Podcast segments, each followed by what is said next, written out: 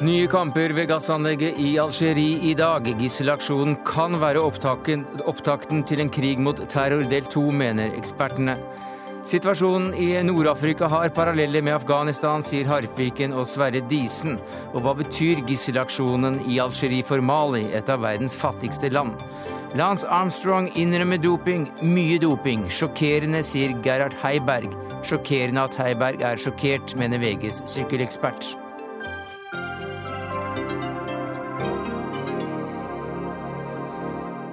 Ja, velkommen til eh, Dagsnytt 18 denne fredagen, der vi eh, setter av nesten hele sendingen til gisseldramaet i Algerie og til vurderinger av forholdene i regionen. For dette er altså tredje dagen med stor bekymring for hva som skjer og har skjedd ved gassanlegget i In Amenas. Utenriksmedarbeider Tom Christiansen, du har fulgt med på nyhetssendingene fra tidlig i morges. Hva er siste nytt? Vi har forsøkt å finne et tall å tro på Eh, og det, De tallene vi har tro på, det er at det er til sammen 100 internasjonale som er blitt satt fri og kommet seg ut på forskjellig vis. At det er nå ca. 30 internasjonale gisler som er savna. Det kan være gisler som holdes av gisseltakerne, eller som befinner seg på dette store området, som har gjemt seg og ikke er kommet fram og ikke tør komme fram. Vi vet også at eh, det fins en rekke gisler som er drept. Eh, men eh, det er fortsatt 10 eller 20 igjen av gislene i dette området. Men som norsk nyhetsprogram så er jo vi selvfølgelig svært opptatt av å få nytt om de norske Statoil-arbeiderne, disse ni som ingen kunne gjøre rede for i går. En av dem er altså i sikkerhet. Den ene klarte å rømme. Andre klarte også å rømme. Eh, i det kaoset som oppsto i går når eh, algeriske myndigheter eh, gikk inn. Mange som gjemte seg på anlegget, et par franskmenn, de holdt til på sin egen i rommet ved siden av der gislene var. Algeriske sikkerhetsstyrker kom og tok dem med. Og i ettermiddag har, vi, har de sett, forteller de, at algeriske sikkerhetsstyrker går rundt på anlegget for å finne folk som har gjemt seg, for å få dem fram, for å hjelpe folk som er blitt skadd og trenger hjelp. Det betyr at de har fått kontroll over større og større områder. Boligdelen skal det være nå under eh, algirsk kontroll, og så har de utvidet det i løpet av dagen. Men det vi ikke vet, og som det ikke rapporteres om, det er hvor er, eh, hvor er, eh, gislene, de klassiske gislene, og hvor mange er det igjen utenfor som har gjemt seg? Det, det, vet vi ingenting. Men det ser jo antagelig helt forferdelig ut. da. Det har vært mye skyting. Eh, fire, tre, fire Land Rovere er jo sprengt i, i, i, lufta med de som satt inni.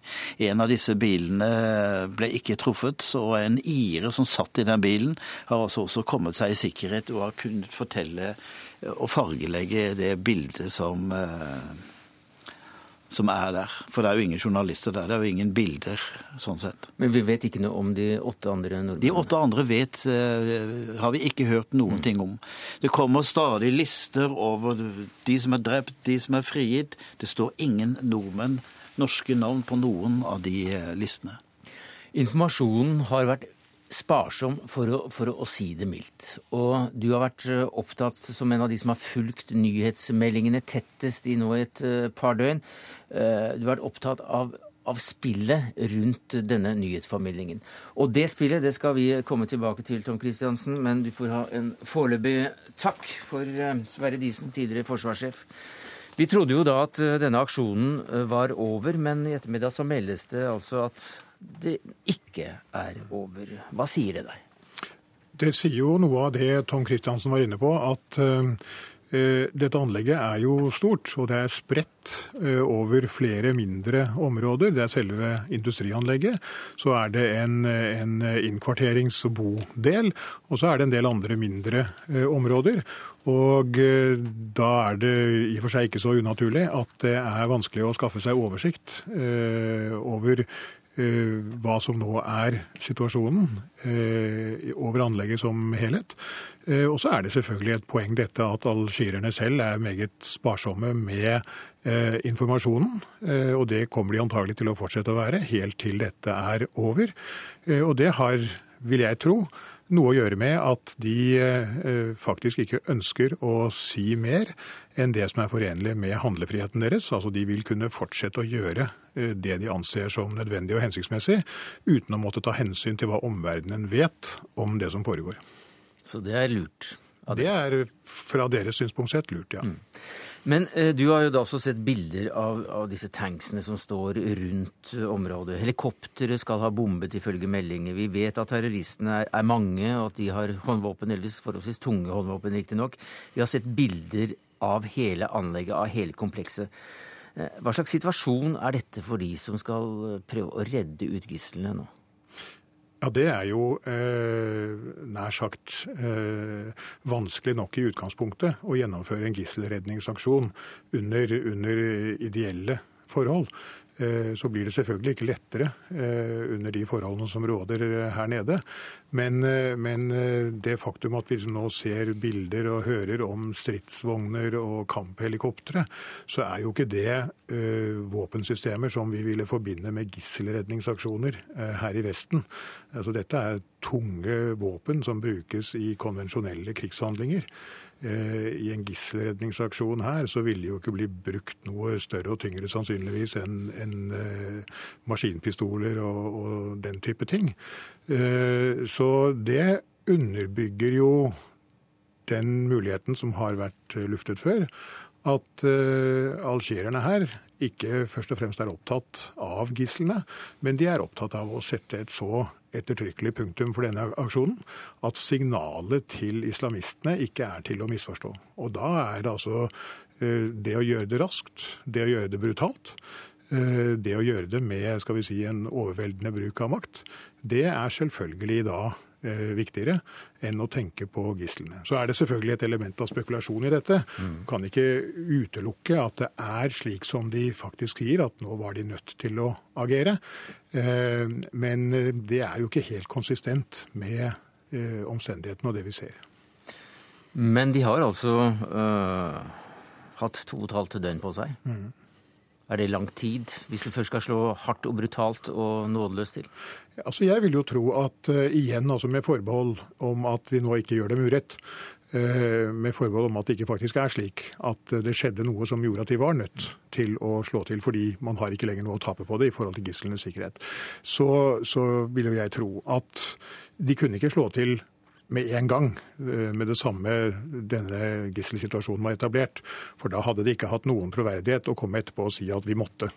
De måtte uansett la det gå så mye tid at det hadde en viss troverdighet når de sier at vel, vi, vi prøvde å forhandle osv., men, men det førte ikke frem, og så oppsto den situasjonen. Eh, og det ville de jo måttet si uansett hva realitetene var. Sverre Disen, vi skal snakke mer med deg, men da om sikkerheten i hele regionen. Men først skal vi snakke om sikkerheten på, på Statoils eh, anlegg. For tidligere i dag så har vi hørt at fagforeningen i eh, selskapet nå ber om en gjennomgang av beredskapen på oljeinstallasjonene i eh, utlandet. Allerede i 2003, da Statoil besluttet seg for å kjøpe seg opp i Algerie, så ble dette landet vurdert som et høyrisikoland. Og Trond Omdal, i dag er du aksjeanalytiker i Arctic Securities. Eh, men i 2003 så jobbet du som strategisk planlegger i Statoil, og du var direkte involvert i eh, oppkjøpet av gassanlegget i In Amenas. Og så får vi da akkurat Trond Omdal eh, inn eh, døra. Det var jammen fint du kom. Nå har jeg introdusert deg. Jeg har sagt at eh, du i 2003 jobbet som strategisk planlegger i Statoil, og hva du driver med i dag, aksjeanalytiker i Arctic Securities. Men spørsmålet er da hvordan vurderte du den gangen sikkerhetsrisikoen knyttet til å operere i dette området? Altså, mitt syn var jo det som var Statoils syn, at uh, risikoen, sikkerhetsrisikoen ble vurdert som høy, eh, men akseptabel. Og at Statoils interne eksperter utformet, basert på analyser av interne staber, og utformet et sikkerhetsopplegg som var eh, tilfredsstillende. Og når Statoil ga grønt lys, så, eh, så var mitt syn òg at det var akseptabelt. Hvilke elementer eh, Hva er det du ser etter når du da vurderer en total sikkerhetsrisiko i et land som, som, eh, som Algerie? Nå må jeg si at Primært så jobber de med det strategiske og kommersielle vurderingene. Men det det går på, er jo selvfølgelig sikkerhet til personell rundt reise inn og ut av landet. Og så er det jo i Algerie er det jo en faktor at det er et landanlegg, men Statoil Eh, primært i andre land, eh, både norsk sokkel og internasjonalt, er involvert offshore. Og så er det selvfølgelig den politiske situasjonen eh, og, og, og den uroen. Det var jo rett etter en borgerkrigssituasjon. Og så er det selvfølgelig om, om du kan gjennomføre sikringstiltak eh, som er tilfredsstillende til å, til å kontrollere den risikoen. Og det ble også vurdert som tilfredsstillende? På det tidspunktet ble det vurdert, eh, og det har det jo òg blitt gjort senere. Og, det er jo verdt å merke seg òg at en har jo hatt mange besøkende ned, inklusive analytikerkolleger, eh, som òg eh, vurderte det som sikkert til og med å ta med ut på anlegget. De siste dagene har eh, Helge Lund og Statoil sagt at grundige sikkerhetsvurderinger da ligger også til grunn for virksomheten i, i alle land som Statoil involverer seg i. Arild Nodland, du er sikkerhetsrådgiver i, i Bergen Risk Solutions. Hva innebærer slike vurderinger? De innebærer først og fremst at man gjør eh, en eh, trusselvurdering. Altså Man vurderer de faktorene som har vært nevnt. Sannsynligheten for og frekvensen for terror eller ekstreme handlinger, for kriminalitet, for politisk stabilitet. Eh, og da har man et slags trusselbilde som man kan forholde seg til. Men samtidig så foretar både Statoil og andre bedrifter som investerer i utlandet, en sårbarhetsanalyse. Altså De har en formening om hvilke type infrastruktur de må ha på plass, og hvor mye personell de må ha på plass. Og så lager de da en analyse på egen sårbarhet. Hvor er vi sårbare i forhold til denne trusselen som vi er eksponert for? Og Når man da har oversikt over sårbarhet og trusler, så må man, må man, begynne å tenke på løsninger. Altså på preventive løsninger, på responsløsninger, som skal sikre et, angrep, nei, skal sikre et anlegg mot et angrep. Og hvis det angrepet inntreffer, så skal man ha en respons eh, som er effektiv. Hvor profesjonelle vil du si Statoil er på dette feltet? Altså, jeg kjenner litt til Statoil, for vi har hatt litt kontakt med Men aldri noe Jeg kan ikke snakke spesifikt om Algerie. Statoil, eh, før jeg startet dette selskapet som jeg arbeider i nå, var, vil jeg hevde, forbilledlig når det gjaldt å ta det som ble kalt for landrisiko på alvor. Det var satt i system. Det var nøye definert hvilke faktorer man skulle vurdere og analysere. Eh, og også hvordan man skulle vurdere egen sårbarhet i forhold til truslene. Så, så, det kjenner, det lille som jeg kjenner fra Statoil, er at de har vært en slags foregangsforetak i norsk internasjonal mm. virksomhet. Mm. Hva vil du si eh, når det gjelder sikkerheten og, og, oppmerksomheten rundt sikkerheten, ressursene som settes inn i sikkerhetsarbeid for norsk næringsliv i utlandet generelt? Generelt så tror jeg det er godt. Vi har jo en del norske kunder som arbeider i afrikanske, særlig afrikanske land, både til lands og til vanns. Og de tar sikkerheten svært alvorlig. De har selvfølgelig kapasitet internt i sine egne selskaper til å foreta disse vurderingene. Men de bruker også både norske og internasjonale eksperter for å få kvalitetssikre sine egne oppfatninger av trusler og sine egne planer for å håndtere risikoen disse truslene mm. representerer. Algerie er bare da et av mange utfordrende land og stat, eller bare én av bedriftene som sender nordmenn til utlandet. Kristine Beitland, du er direktør i Næringslivets sikkerhetsråd. Hvilke råd gir dere om sikkerhet? Eh, la meg først si at eh, Når det gjelder de store norske selskapene som jobber internasjonalt, så har de en generelt bra eh, beredskapsorganisasjon, og de øver. De har god erfaring innen sikkerhetsarbeid. Når det gjelder de små og mellomstore virksomhetene som utgjør egentlig norsk næringsliv, så, som etablerer seg i utlandet, så må man altså gjøre de samme vurderingene, men man må nedeskalere det til den virksomheten de driver. For det er samme trussel? Kan det være. Det, men det ressursene til bedriftene er kanskje noe, noe svakere enn ja, Statoil? Ja, det er riktig. Man har ikke gjerne en eh, hel eh, beredskapsorganisasjon å spille på. Og da har vi forsøkt gjennom de selskapene som er medlemmer hos oss, innenfor maritim sektor, bare for å nevne noen, olje og gass, har man satt sammen en, en sikkerhetsforum. Dette sikkerhetsforumet utveksler beste erfaringer på dette området, eh, praksis. Og de har også utarbeidet en veileder nettopp for å kunne gi eh, litt mer retningslinjer til de små og mellomstore virksomhetene når de skal etablere seg. Og det er liksom for å si det litt enkelt, så er det tre sentrale punkter. Det er eh, før man etablerer seg, noe man har vært litt inne på tidligere, at man ser det politiske bildet i landet, og at man har det altså hvilket forhold dette landet har til Norge å gjøre, og ser hen til det, og det generelle kriminalitetsbildet i området. Eh, viktig er det også hvilke myndigheter som er der, om de har vilje og evne til å, å håndtere situasjoner dersom de inntreffer. Ellers er det jo under etablering da, å, å, sette i gang eh, sikkerhetstiltak som står i forhold til de vurderinger man har gjort uh, før etableringen. Og så er det veldig viktig å ha et monitoreringssystem, for dette med sikkerhet er jo en kontinuerlig prosess. Eh, slik at det er veiledning der ute i forhold til de små og mellomstore virksomhetene. Men når det gjelder petroleumsvirksomhet, så, så skjer jo det i, noen av de verste landene i, i, verden. Så Av en eller annen grunn så ligger jo de store uh, naturressursene slik eh, til når det gjelder hva som kan gjøres om til energi, i beltet av veldig, veldig vanskelige områder. Så hender det at norske bedrifter lar være å gå inn land etter etter å ha fått en sikkerhetsvurdering? Ja, det hender, og jeg har fått faktisk det bekreftet før jeg kom hit i dag. At det er virksomheter som har foretatt eh, risikovurderinger og har funnet ut fra sikkerhetsmessige hensyn at de ikke går inn i områder. Jeg vil bare legge til at eh, jeg jobbet jo i Midtøsten-organisasjonen, og på det tidspunktet så var òg Irak, eh, etter, etter invasjonen, en aktuell problemstilling. Men på det tidspunktet så ble det sett på og av sikkerhetsmessige grunner som en, som en absolutt uh, no go. At der ville ikke sende Statoil sende sine ansatte. Men dette er jo òg et dynamisk bilde som, som siden mm. har, endret seg. Så det er jo òg uh, ting som endrer seg, og som Statoil òg har et system for, for å overvåke. Trond Omdal, som uh, gammel Statoil-mann, hvordan er det for deg å følge utviklingen i denne løpende gisseldramasaken? Ja, først og fremst så, så, er jo min reaksjon sånn som alle andre nordmenn som, som ser Eh, landsmenn i en, en, helt forferdelig situasjon. Men som deg, du var med faktisk å vurdere sikkerhetssituasjonen den gangen? Ja, i tillegg så, så både som analytiker så, så, og ansatt så, kjenner du jo flere av disse i ledelsen uh, som òg er i en, en, en, veldig vanskelig situasjon.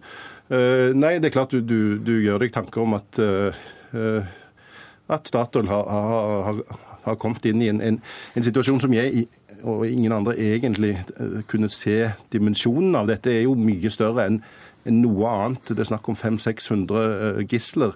Altså det, det, det, nærmeste som ligner på dette, er når Al Qaida angrep eh, i, i, i Saudi-Arabia. Så, så, så, Statoil har tatt en, en, en, risiko som industrien vurderte som håndterbar. Og så har det, har det skjedd en, en, situasjon som, som, er forferdelig vanskelig, og det er vanskelig foreløpig å se utfallet av. Takk skal du ha, Trond Omdal, aksjeanalytiker i Arctic Securities. Kristine Beitland, Næringslivets sikkerhetsråd, og til eh, deg i Bergen, Arild Nådeland, sikkerhetsrådgiver i Bergen Risk Solutions.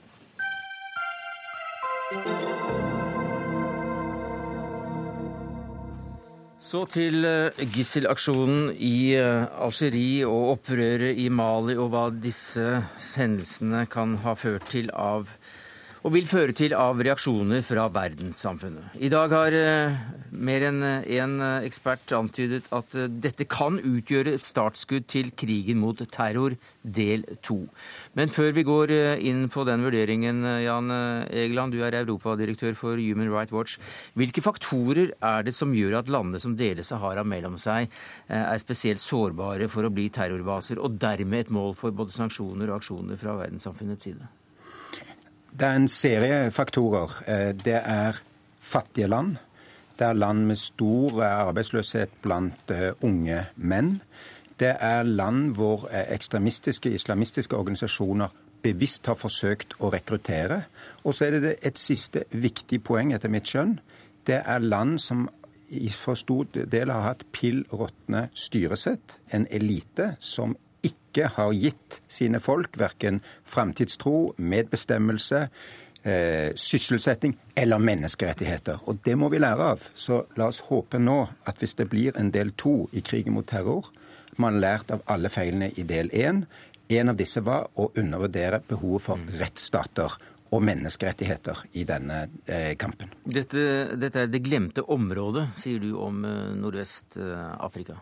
Ja, altså, jeg tror Den andre tingen som man òg vil lære, er at man har undervurdert denne delen av verden. Altså, eh, Afghanistan og Irak, der har nå USA vel brukt er det 1000 milliarder dollar. Altså Det er helt svimlende summer. Mye mer i Afghanistan og Irak enn verden har brukt på resten av verden i all utviklingshjelp, fredsbevarende arbeid, miljøarbeid, klimaarbeid etc. til sammen. Eh, og så har man da glemt at store ting, fæle ting, har skjedd i denne delen av verden.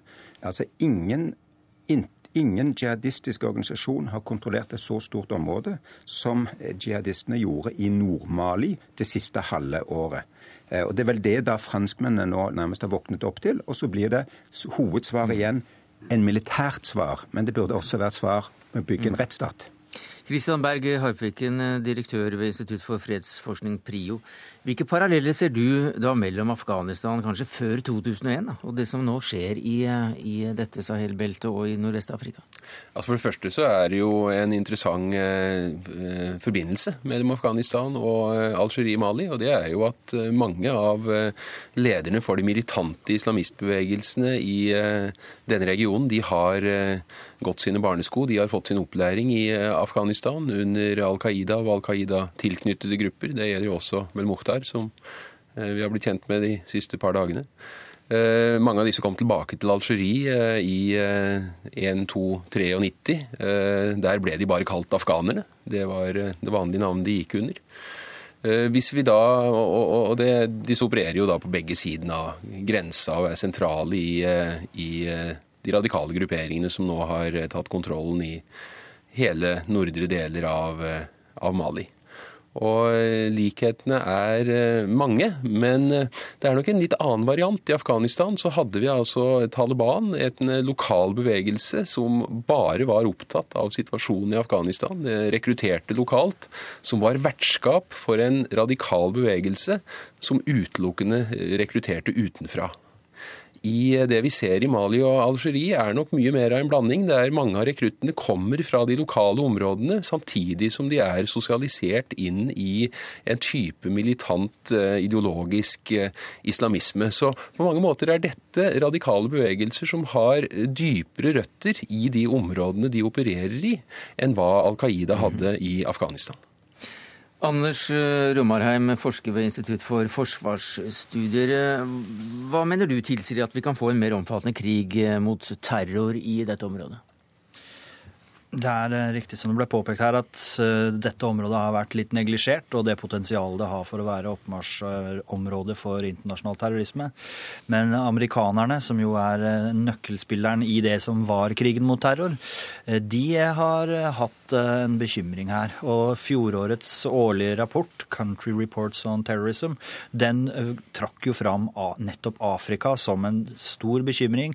Her må vi passe på at ikke det glir ut. Det er ikke det at det ikke var nok av bekymringer andre steder i verden, men man, man, har nok av problemer å håndtere. og Her så man da for seg at man burde være inne tidlig for å, for å stagge denne bevegelsen. Amerikanerne har jo også oppretta en egen uh, militærkommando som er skilt ut av den gamle CENTCOM, som er lokalisert i Tampa i Florida, og har nå opprettet AFRICOM. Det er ikke så lenge siden, det er vel halvannet til to år siden. Så de, de har helt klart et fokus på Afrika som er annerledes. og den franske operasjonen vi har sett i Mali, er et uh, eksempel på at kanskje vi begynner å nærme oss den virkelighetsforståelsen. Mm. Så får vi se om virkemidlene vi ønsker å bruke, nødvendigvis er de samme som de amerikanske. Tidligere forsvarssjef eh, Sverre Disen, eh, hvilke paralleller er det du ser til Afghanistan? Ja, Det er jo en, en parallell til alle disse skal vi si, konfliktene hvor du får den klassiske overgangsfasen når en når en geriljabevegelse eh, får så store ambisjoner at den går over til å ville ta og holde territorium permanent og sette opp sine egne strukturer Som i Nord-Mali? Som i Nord-Mali. Mm. Så blir de selvfølgelig også sårbare for konvensjonell militærmakt. Da får plutselig konvensjonelle militære styrker med overlegen teknologi en mulighet. Og som vi har sett de siste dagene, da ender det ofte med at disse opprørsstyrkene blir spredd for alle vinder. Men ut fra samme logikk, da, bare å snu på flisa, de konvensjonelle styrkene er altså uten mulighet for å utrydde dette problemet når det dreier seg om Eh, store områder, vanskelig tilgjengelige områder, og alle geriljakrigens klassiske fordeler. Så her er vi da på vei inn i en sånn situasjon hvor man er i, den, den, si, det, det, klassiske dilemmaet. ingen av partene har en mulighet for å avgjøre dette, uh, i hvert fall ikke i det korte perspektiv. Og når forsvarsministeren tror jeg, i Burkina Faso sier at de skal frigjøre Nord-Mali, med 3300 soldater av meget variabel kvalitet, må vi si, så er jo det den rene illusjon. Og det peker jo i retning av en, en vestlig strategi som må bygge på å, å, være en slags garantist mot at det, være, at det skal gå helt galt, men som må bygge på å skal vi si, starte fra bunnen, bygge opp afrikanske styrker som er kapable til å, om ikke løse problemet, så i hvert fall holde det i sjakk. Eh, og så er det selvfølgelig ett eh, kort her som er unikt, og det er de sekulære tuaregene som kan tenkes å ville gjøre en deal. Altså som kan tenkes å ville gå sammen med regjeringen og eh, mot islamistene i Mali, i Mali mot en eh, autonomi, eh, om ikke full selvstendighet. Det har de jo signalisert. Og eh, da ser vi vel konturene av hva som vil kunne være en vestlig strategi for å håndtere dette problemet. Jeg er jo enig i alt det Disen sier her. Det som også er interessant, er jo at de vestafrikanske styrkene, som da allerede hadde et FN-mandat å hvile seg på, der så man for seg at intervensjonen skulle skje først i september. Det er ganske langt unna. Grunnen til det var at man så det som et fundamentalt problem at det regimet som nå sitter med makten i Bamako, har ingen legitimitet Eh, utover i landet. Og man ønsket først å sørge for en regimeendring, sånn at man fikk en god samarbeidspartner. Her kan vi også dra parallellen med Afghanistan. Dette har også vært en kritisk faktor i Afghanistan. At man har ikke klart å få på plass den sentralmakten som har legitimitet nettopp i de befolkningsgruppene som de militante klarer å appellere til. Det er et eh, kjempeproblem. Frankrike var nok også innstilt på for så vidt å vente noe lenger, men så skjedde det endringer i eh, territorialkontroll i Mali som gjorde at de raskt snudde rundt og mm. intervenerte. Dette, dette, er veldig viktige eh, poenger. Eh, det vil ikke bli en løsning her hvis ikke Afrika klarer selv å skape eh, orden og sikkerhet seg imellom. Mm. Dette er for øvrig et regionalt problem. Det var, det var Libya, Algerie og Mali er nær knyttet sammen. Er det også en lærepenge fra krigen mot terror 1? Absolutt. Altså man, man, trodde jo, og jeg mener også en hovedlærer som Afghanistan er altså etter et tiår med svimlende militære og økonomiske investeringer, så er det jo ikke slik at det er ro og fred og Sveits, som, som mange trodde. Det er store gjenværende eh, problemer.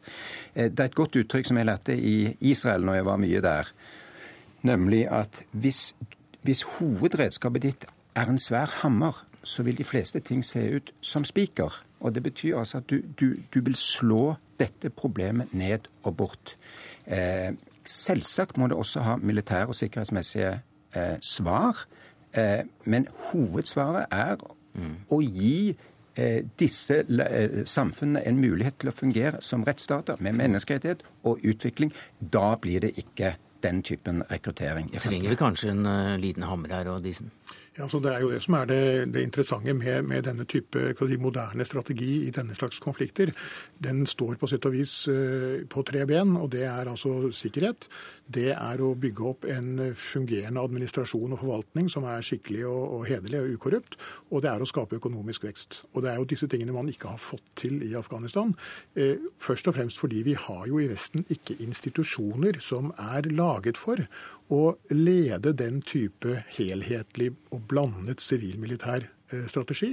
Eh, så kan man også spørre seg om vi i Vesten har vilje og tålmodighet, for dette er etter sin natur meget tidkrevende ting. Den britiske sjefen for ISAF i sin tid antydet 40 år, og det er på sett og vis bortenfor liksom, eh, det tidsperspektivet som, som, vi kan leve med i, i, vår del av verden. Men, men jeg tror jo at Vi må lære av det og ta konsekvensen av det. Og da vil det altså være, som Egeland er inne på, det er å afrikanisere dette eh, på best mulig måte, både sivilt og militært. Og da vil det jo, fordi dette er i den, den, eh, frankofone del av Afrika, så er det franskmennene som vil måtte ta et hovedansvar mm. for det praktiske. Og så er spørsmålet hvilken byrdefordeling vi skal ha med franskmennene i det, hvis dette blir et større mm. vestlig foretak. Hvilken eh, posisjon kan Norge ende opp med her? Det er veldig spennende å se. Det er jo sånn at Algerie er eh, i et regionalt perspektiv veldig interessant. Eh, vi er rett på andre sida av Frankrike. De har sterke interesser der og et historisk bånd. Vi er rett over grensa fra der den arabiske våren starta i Tunis. Så det er eh, mye som kommer sammen her. Og vi har jo sett at Danmark og Sverige har vært mer ivrige etter å bidra på noe vis i Mali enn det Norge var. Og nå ser vi at britiske, amerikanske, norske og franske gisler blir skadelidende. Da skjønner vi at her er det interesser for fire ganske markante Nato-land. Eh, de tre andre er kanskje de tre største tungvekterne. Eh, Tyskland de ønsker sjelden å være med på noe, noe sted, det viser historikken. Men eh, allikevel så skjønner vi at Nato og europeiske sikkerhetsstrukturer vil måtte skjele ned her for å tenke sikkerhet bredt. Hva tror du om det, Dysen? Ja, jeg tror også det at det er altså Ulempen her er jo at dette er i et område som klimatisk og på annen måte selvfølgelig ikke er ideelt for europeere å involvere seg i, så å si på bakken, eh, minst av alt. Eh, og eh, Det betyr at vi må på stedet vis finne andre måter å, å, gjøre det på. Altså, det er jo afrikanerne selv som er de som har best forutsetninger i forhold til de naturlige, eh, den naturlige så å si, situasjonen i dette mm. området. Men samtidig har de største problemene i forhold til kompetansen og kapasiteten til å gjøre det. Mm. Men, men Nå har du snakket om klima etc. Men altså det at Norge nå er trukket inn på en ganske grusom mm den grusomste måten. Eh, hva tror du det, du det gjør med, med, viljen til å bli mer engasjert, også militært? Det, det er vel en eye-opener for at dette er et problem som eh, sånn sett også angår oss. Og det angår oss på to måter. Altså Norske selskaper gjør at vi får en, en så å si en direkte, et direkte engasjement. Og så er det det engasjementet vi da selvfølgelig også har som et vestlig land, eh, medlem av Nato, medlem av FN Eh, og hvis liksom verdenssamfunnet engasjerer seg, så, så, er vi på sett og vis med også i kraft av det. Og da er bare spørsmålet eh, hva er egentlig hensiktsmessig, eh, gitt våre forutsetninger, når det gjelder bidrag i en sånn sak. Men Romarheim, du nevnte USA som det landet som av ganske naturlige grunner hadde mest interesse og fulgte utviklingen i Nord-Afrika tettest og med mest åpne øyne, og har og at vi andre da har fulgt etter. Men hva tror du USA kan gjøre i en sånn situasjon? Vil de bli rådgivere? Vil de det er ikke godt å si, og fremtiden er jo spesielt vanskelig å spå om. Eh, amerikansk økonomi eh, den eh, legger ikke helt eh, til rette for eh, store, nye, eh, voldsomt dyre eventyr. Så du får ikke en parallell til ISAF i det er? Og... Det, er, det er, umulig å spå, men vi vet jo definitivt at det ikke er lenge siden vestlige makter var inne på afrikansk territorium med Libya-krigen. Og da mm. så vi jo et mønster med europeere, som det ble nevnt her, franskmenn i, i føringen. Og det er, en, det er, en, operasjon som Obama var relativt komfortabel med. Men republikanerne kaller det jo 'leading from behind' og syns dette er bakstreversk. Og hvorfor er ikke amerikanske flagget helt smakk i front, og vi dikterer eh, operasjonen på alle måter? Uh, Disen, vil vi se andre europeiske lands soldater på afrikansk jord i dette området, og eventuelt også tropper fra USA? Det vil jeg jo ikke utelukke, det skal man sjelden gjøre. Men jeg vil jo tro og nær sagt håpe at det bør i så fall bli som jeg sier, altså Eh, som en, en, en, garantist for at det ikke går helt galt. altså At man i siste øyeblikk må gripe inn for å hindre at, at Bamako eller, eller, andre hovedsteder liksom faller til opprørerne.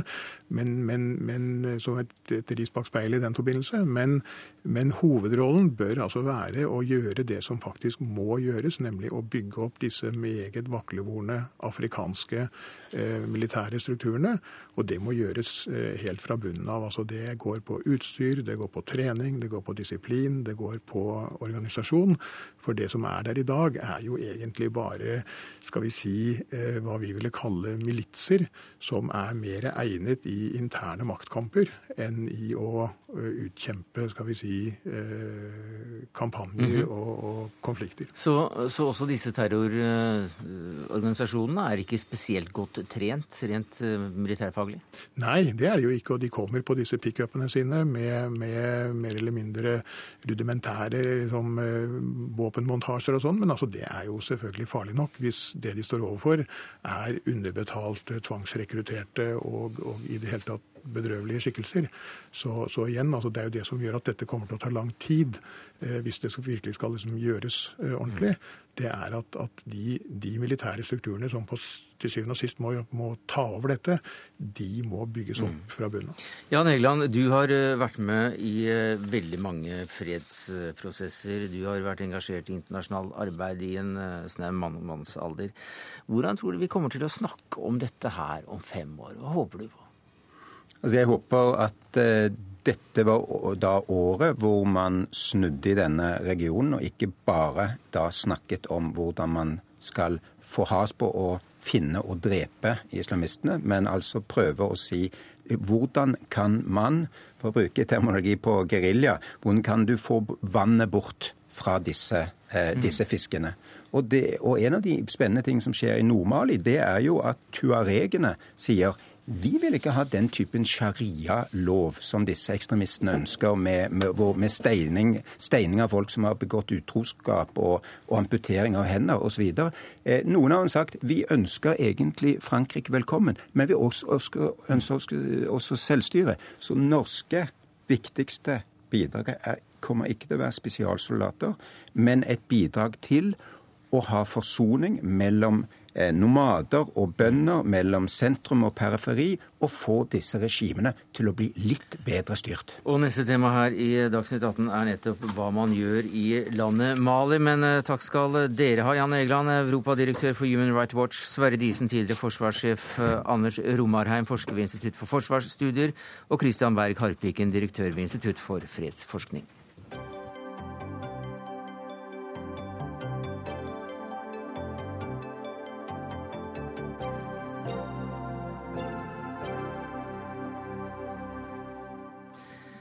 Terroristene brukte altså den, den, franske intervensjonen i Mali som en slags forklaring på angrepet i Algerie, utenom at eh, svært mange har eh, stolt på den forklaringen nå i ettertid.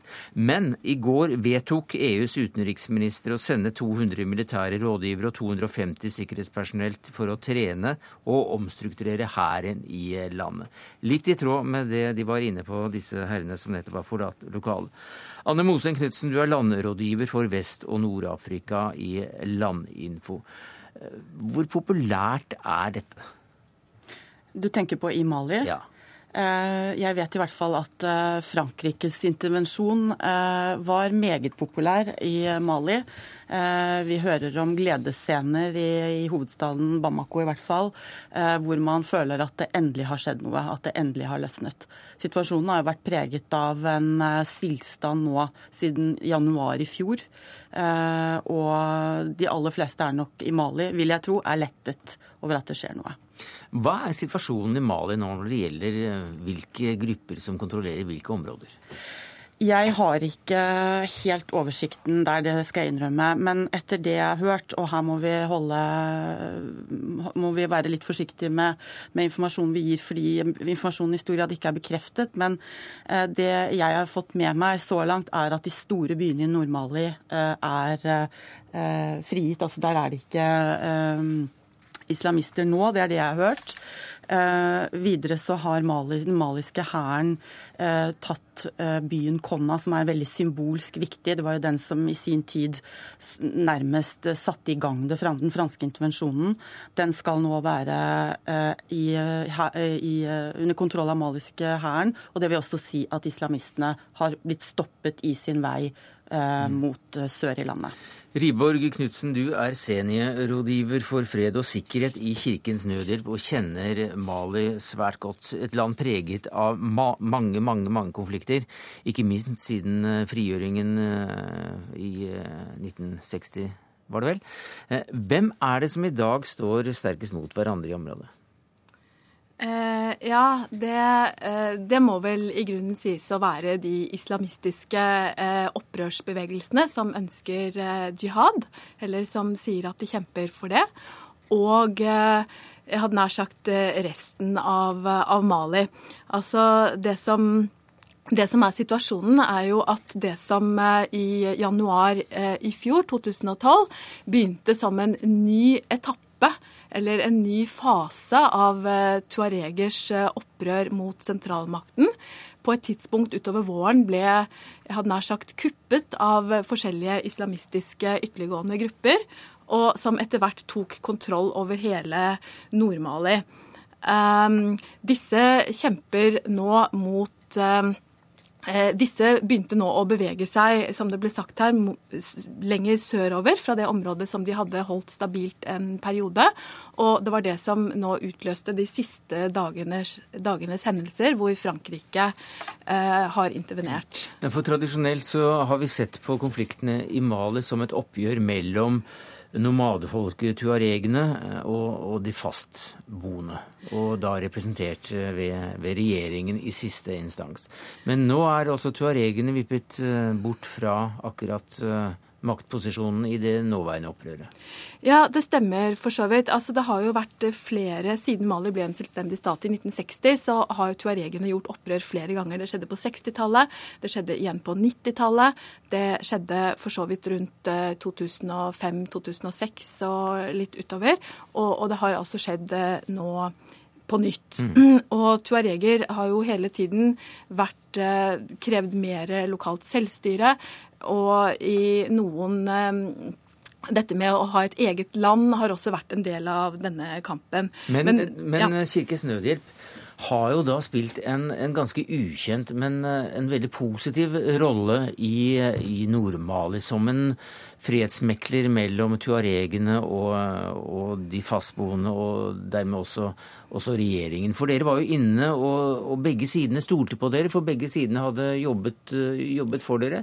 Eh, men så blusset også det opp igjen, denne konflikten. Hvorfor gjorde den det? Ehm, det stemmer at på 90-tallet så altså Kirkens Nødhjelp har drevet ehm, både nødhjelp og langsiktig bistand i Nord-Mali siden 1984. På 90-tallet så ehm, blusset eh, denne konflikten mellom tuareger og statsmakten opp igjen. Og på det tidspunktet eh, så hadde Kirkens Nødhjelp et stort program. Vi hadde mange tidligere ansatte som eh, kom inn i ulike bevegelser på forskjellige sider i denne konflikten. Både blant regjeringsmedlemmer og blant tuareg-sjefer? Ja, det stemmer. Ja. Eh, sånn at vi hadde da veldig gode kontakter, og hadde jo også gjennom mange års hjelpearbeid bygget opp mye tillit i befolkningen. Men er det noe lignende mulig for Kirkens Nødhjelp å ha en, ha en rolle der i dag? Den gang så gjeninnførte dere noen gamle institusjoner som, eh, som møteplasser for eh, tuaregene og de fastboende, men hvordan er klimaet for den slags i dag? Det skal nok eh, mer til i dag. Eh, dette, denne situasjonen er jo mer komplisert på mange måter enn det den var på 90-tallet. Ikke minst ved at eh, også ikke-maliske krefter har kommet inn i disse opprørsgruppene i mye sterkere, sterkere grad, med Al Qaida og eh, Mujao. Um, det er likevel klart at eh, vi, kan jo, vi i Kirkens Nødhjelp kan jo håpe å spille en rolle i en postkonfliktsituasjon, hvor det mer kan handle mm. om å få ulike grupper i Nord-Mali til å komme til enighet med hverandre. Men det synes helt klart at eh, det, det, nå er en mer komplisert og også mye mer alvorlig mm. konflikt enn det det har vært på noe tidligere tidspunkt i historien. Anne Mosen Knutsen, som landrådgiver for Vest- og Nord-Afrika i Landinfo. Hva slags framtid ser du for deg for dette landet nå på mellomlang sikt? Mellomlang sikt, ja. Uh, nei, Først og fremst så syns jeg vi fortjener å si at Mali har jo vært og trukket fram som et eksempel på demokrati. Mm. Det har kanskje blitt sagt tidligere, men det syns jeg vi skylder landet. Uh, landet har uh, flerpartisystem, landet har ytringsfrihet. det er en, en, en sekulær stat uten hvis vi tar bort dette tuareg-spørsmålet, en, en, en, en, befolkning som går godt overens. Eh, men eh, det første som må skje nå, er selvfølgelig at man må få kontroll. Det er jo selvfølgelig eh, en forutsetning her. Det andre er at man må få en politisk legitim løsning i Bamako, i hovedstaden. Hvis man ikke har det, så har man jo heller ingen som kan ha en plan for hvordan dette her skal gjennomføres. Sånn at Først så må landet eh, forenes, så må man få en politisk plan som er forankret i Mali. Er jeg optimistisk eller, eh, eller pessimistisk i forhold til det? Eh, jeg Ja. Det er, det, det er, helt umulig å, å, si, egentlig. Takk skal du ha, Riborg Knutsen, seniorrådgiver for fred og sikkerhet i Kirkens Nødhjelp. Anne Mosen Knutsen, landrådgiver for Vest- og Nord-Afrika i Landinfo.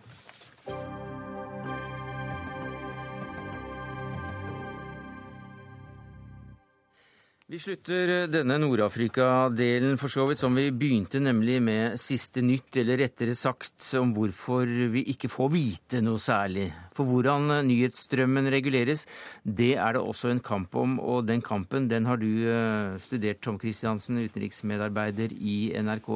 Hvordan ser dette ut fra din plass foran skjermene med all verdens nyheter? Det er et kakofoni av stemmer av løgner, sannheter, propaganda, innspill tilgjengelig for alle. Og vi må sitte her og forsøke å finne ut hvem kan vi stole på, hvem kan vi ikke stole på. Hvilke dødstall gjelder, hvilke hvor mange er overlevende. Eh, Samtidig så ser vi jo at dette brukes av eh, gisseltakerne. De får gislene til å ringe ut beskjeder til nyhetsredaksjoner, hvilke krav de har, hvilke telefonnummer de skal ringe. Det var norsk, et norsk gissel som fikk beskjed om å ringe hjem til sin kone med et telefonnummer som de skulle ringe for å kontakte gisseltakerne. -hmm. På den andre siden USA sender ut beskjeder om at vi har en innsatsstyrke, kommandogruppe klar i Senegal, fire timer flytid unna, for å skremme, for å skremme gisseltakerne. De svarer med å sette eh, dynamittbelter på gislene, slik at eh, og, og fortelle oss det, slik at uh, Algerie skal vite hva som skjer dersom de skyter. Alt dette må vi sortere. Og vi må også finne ut skal vi være en del av dette? Skal vi være en del av denne propagandaen? Og vi blir jo det. Et av hensiktene er jo å skape oppmerksomhet og skremme. Og det er klart at hvis vi skal dekke dette, så er vi med på det spillet. Så vi går gisseltakernes ærend. Men i denne situasjonen så er det mange som har sagt at vi er jo eh, tiår på tiår tilbake i tid når det gjelder eh, hva man kan forvente av eh, en nyhetsrikdom. For her har det jammen ikke vært eh, mange nyheter å, å, å feste sin lit til. Blant annet så var det et mauritanisk nyhetsbyrå som sto helt sentralt. Ja, og som hadde fantastiske nyheter. ANI hadde mange informasjoner. Og så plutselig så ser vi at det er noe spesielt ved det. De har alltid høye dødstall Eh, for gisler som er blitt drept. De har eh, helt andre informasjoner, men åpenbart godt informert. Så viser det seg at dette er jo Al Qaidas eget nyhetsbyrå, så å si. De går altså Al Qaidas ærend. Og da må vi vurdere dem også. Og her er det så mange nyhetsbyråer som vi ikke har hørt om før, at eh, vi må forsøke oss fram. Så her bruker vi godt gammelt journalistisk folkevett, stoler på dem vi kjenner fra før, og analyserer oss fram til hva som er riktig. Men her fins ingen bilder, her fins ingen journalister. Vi må altså stole, mm. stole på den typen analyser. Takk skal du ha, Tom Christiansen, utenriksmedarbeider i NRK.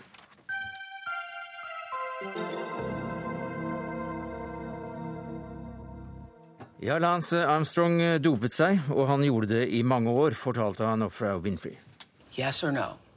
In all seven of your Tour de France victories, did you ever take banned substances or blood dope? Yes. In your opinion, was it humanly possible to win the Tour de France without doping seven times in a row? Not in my opinion. Han dopet seg godt eh, og lenge, kunne ikke vunnet eh, de store seirene uten. Alle hans store seire var med en kropp full av dop. Gerhard Heiberg, styremedlem i Den internasjonale olympiske komité, IOC. Hva var din reaksjon på disse innrømmelsene? Jeg var veldig overrasket. Jeg var sjokkert. Jeg syns det var forferdelig. Ikke bare at han hadde dopet seg, men at han hadde kunnet gjøre det så systematisk gjennom så lang tid uten å ha blitt tatt. Og det overrasket meg ganske kraftig. Hva er det verste med dette? Det verste føler jeg er eh, idretten i seg selv, nasjonalt, internasjonalt. Ikke bare sykkelsporten, men for eh, idretten totalt sett. Og interessen for idretten og den posisjonen idretten har og bør ha i et samfunn, alt lider under dette her. Men du ble overrasket og sjokkert, men mange har jo stått fram med, med historiene her. Det amerikanske antidopingbyrået USADA slo dette fast i oktober med en 1000 siders eh, rapport. Ja, allikevel trodde jeg ikke at han ville komme ut, og jeg trodde ikke i hvert fall at det skulle være så ille og over så lang tid som han har dopet seg. Erling Dockholm, du er førsteamanuensis ved Markedshøgskolen, og som sådan så holdt du et innlegg på Idrettsgallaen om juks i idretten. Var dette så overraskende? Nei, eh, det er overhodet ikke overraskende. Det som er kanskje overraskende, er at han ikke har lagt alle kortene på bordet mye tidligere. Men den typen tilståelse som han kom med, den kan du sammenligne med tilståelser som forbrytere, altså i mer konvensjonell kriminalitet, kommer med. De ordentlig hardbarkede forbryterne de sier ingenting før bevisene er så overveldende at det virker helt latterlig å ikke si noe. Så Lance Armstrong er en, en stor skurk eh, som er kriminell på linje med Ja, vi hadde jo Nokas-ran i Norge. og Det er den typen skala, og vi må forstå dopingen i den konteksten der òg. Hva sier du til den karakteristikken, Heiberg? Ja, jeg må jo være enig i det som kom frem der. Vi har eh, som utgangspunkt i å se null toleranse for alt som har med bestikkelser, doping og korrupsjon å gjøre. Og når det er så massivt og kraftig som dette her, så må jeg være enig i at uh, dette går langt utover det som er uh, mulig og tillatt.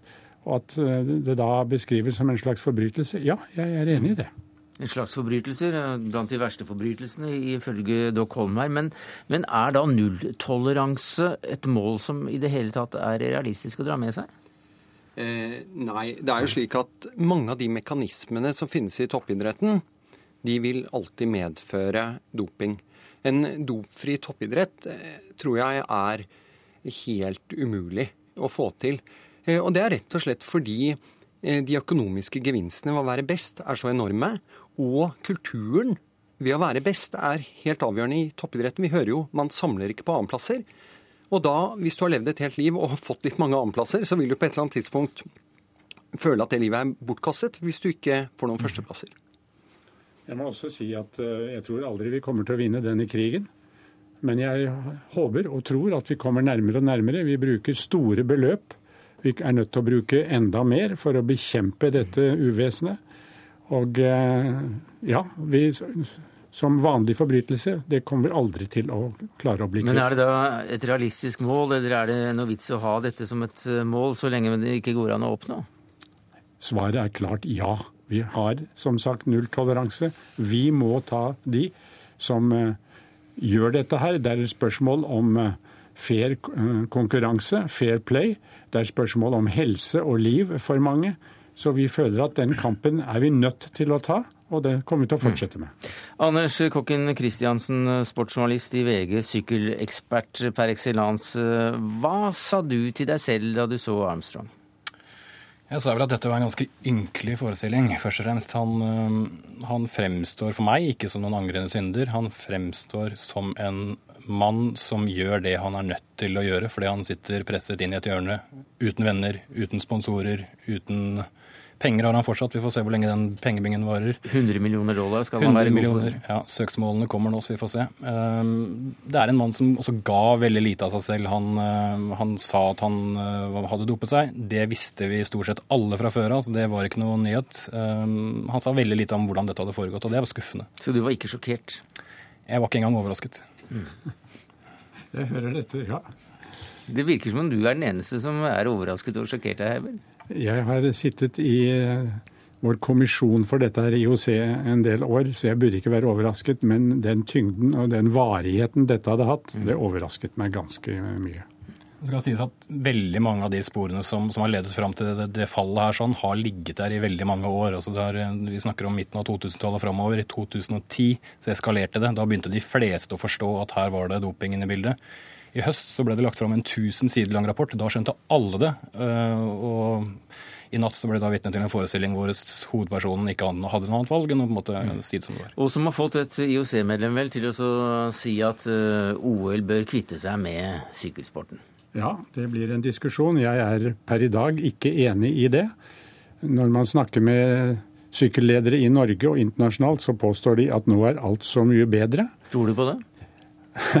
I utgangspunktet er jeg nødt til å tro på det. Jo, nødt til å tro på, men du har jo et, et indre sjelsliv, og hva sier det deg om tro og tvil? Jeg er i tvil, men jeg lar tvilen komme, kall det den tiltalte, til gode. Og jeg har ikke tenkt å gå inn for at dette skal forbys, f.eks. For i Rio i 2016, med det vi vet i dag.